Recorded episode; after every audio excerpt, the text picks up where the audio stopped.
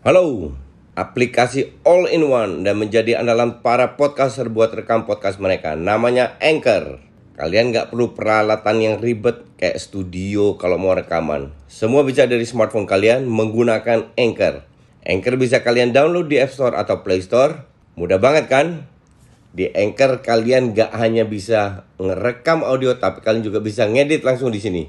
Bukan itu aja, Anchor juga dapat mendistribusikan konten kamu ke platform lain, contohnya Spotify, Apple Music, dan lain-lain. Keren kan? Satu aplikasi buat semua kebutuhan. Daripada kalian makin penasaran, mending langsung aja download Anchor sekarang. Oh ya, Anchor ini gratis loh.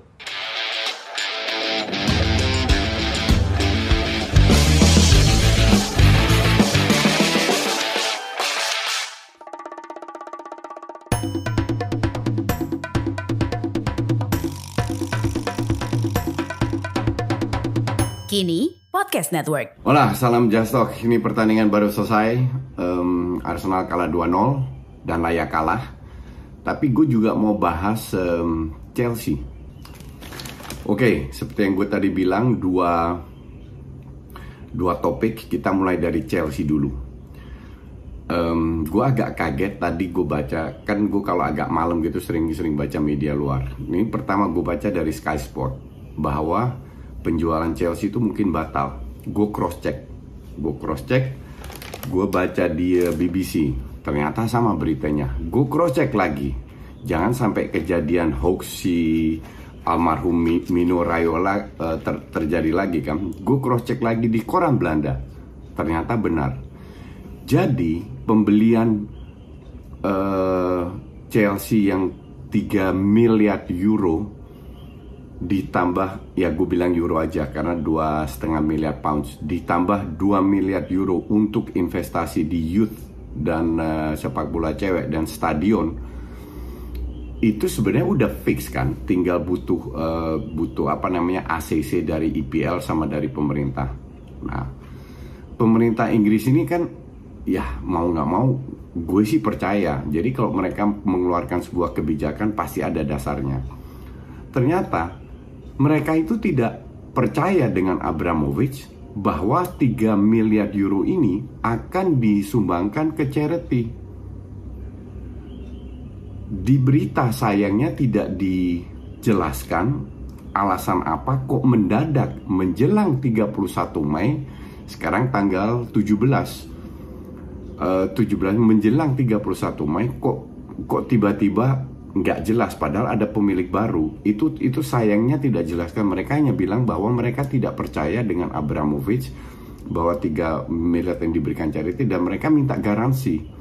Mereka minta garansi dari Abramovich bahwa uh, apa namanya um, duit 3 miliar ini benar disumbangkan charity. Nah dari pihak Abramovich itu nggak ada kabar sama sekali belum ada kabar, tidak ada tidak ada kabar. Kalau nggak ada kabar, tidak di-approve oleh pemerintah, artinya tidak di-approve oleh um, IPL juga. Kalau tidak di-approve oleh IPL, artinya Chelsea tidak bisa bermain di semua kompetisi sepak bola. Kalau nggak di-approve sama pemerintah juga. Kalau itu terjadi, Chelsea ya ujung-ujungnya bangkrut bangkrut bener-bener bangkrut. Mulai dari divisi gue nggak tahu divisi berapa 6 7 mulai dari bawah lagi. Uh, Chelsea ini gue gue nggak habis pikir karena Chelsea ini kan klub udah tua. Walaupun bangkitnya dikenalnya lebih setelah diambil alih oleh Abramovich tapi klub ini kan 100 tahun kalau nggak salah. Kalau gue nggak salah ya jadi artinya salah satu klub tua yang sudah gue nggak habis pikir bahwa klub seperti ini bisa dibangkrutkan hanya karena Abramovich seandainya dia tidak jelas, tidak bisa memberikan garansi dan lain-lain. Jadi sekarang bola panasnya itu berada di tangan Abramovich. Apakah benar atau enggak? Kalau BBC udah keluarkan berita, ini akan bersambung lagi. Sejauh mana Abramovich benar-benar keluarkan uh, apa namanya? Uh, statement garansi atau tidak. Jadi uh, kita tunggu aja. Semoga sih semua ber, berjalan lancar ya. Tapi karena ya kita tahu gue sebagai fans Arsenal gue nggak rela nggak ada Chelsea di di IPL Chelsea harus ada biar biar uh, Big Six itu tetap seru. Gue mau ngenalin kalian aplikasi rekaman andalan gue, Anchor. Jadi Anchor ini aplikasi yang lengkap buat para podcaster. Kita bisa ngerekam, ngedit, tambah musik, efek, bahkan sampai upload ke platform lainnya. Semua bisa dari Anchor. Nah, aplikasi Anchor ini bisa kalian download di App Store atau Play Store. Dan juga di website di www.anchor.com Anchor.fm One app that your podcast needs Oh ya, Anchor ini gratis ya Oke, kita ke Arsenal Arsenal um, apa namanya ketemu setelah kemarin kalah lawan Spurs sekarang ketemu Newcastle di 8 pertandingan sebelumnya Arsenal tidak pernah kalah dan di match ke-9 di mana Arsenal harus menang ternyata kalah. Dan layak kalah.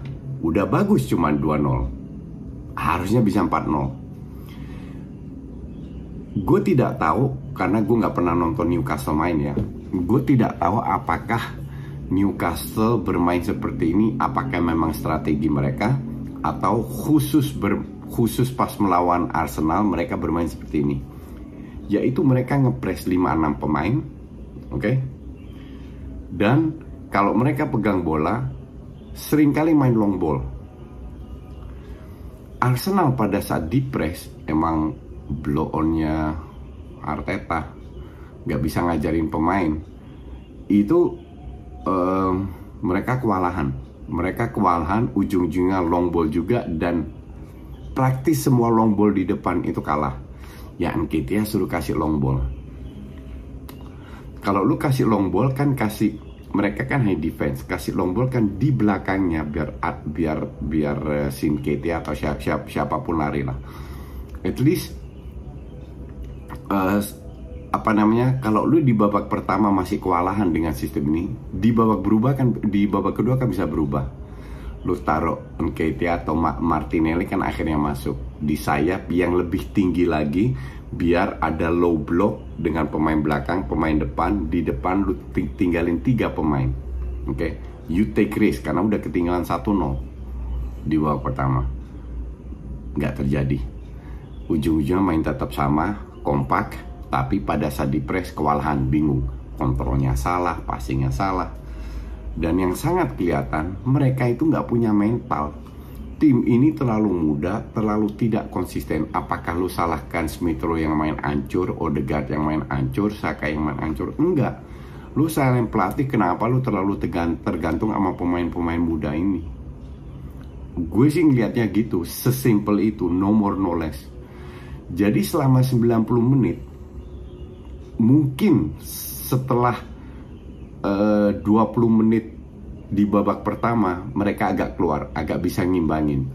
Tapi di babak kedua dihajar lagi dengan sistem yang sama. Gue pikir setengah setelah menit 60 mereka kan Spartan mainnya itu itu uh, fisik agak ngedrop dan bisa dimanfaatkan ternyata enggak juga karena mainnya itu terlalu stylish terlalu tangting tangtung tangtung lu nggak bisa main seperti ini. Jadi Arsenal ini kan pemainnya masih muda, belum bukan pemain hebat semua lah. Sebagai pelatih, lu harus ciptakan asumsi asumsi ini adalah strategi uh, Newcastle yang tidak tidak sering dimainkan, hanya khusus buat Arsenal.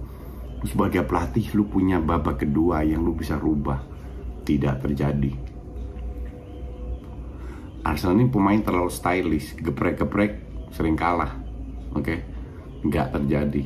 Jadi gue bilang ya layak kalah. Dan notabene pada saat lu harus menang ketemu Spurs sama Newcastle, lu kalah. Ini masalah apa? Masalah mental.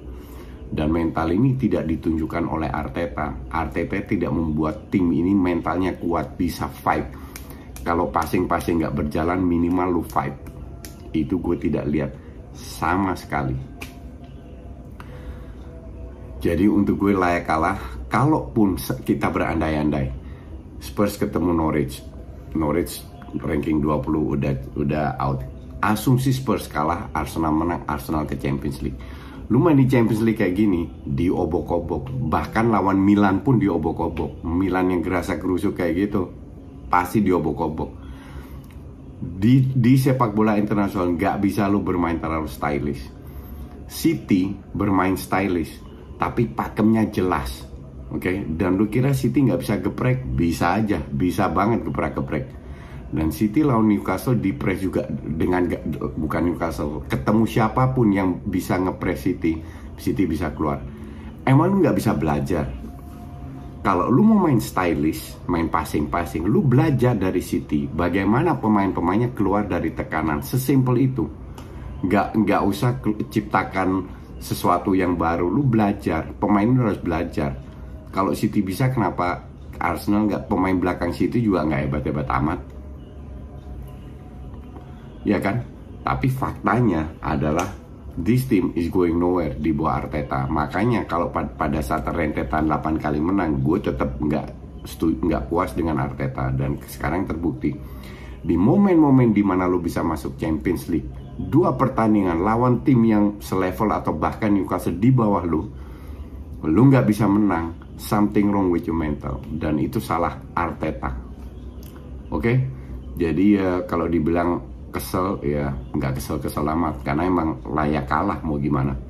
Kalau layak menang tapi kalah nah itu mungkin bikin gue kecewa. Tapi main kayak gitu seri aja nggak layak. Oke? Okay? jadi uh, Arsenal dan, dan MU masuk ke Liga Malam Jumat. Thanks for watching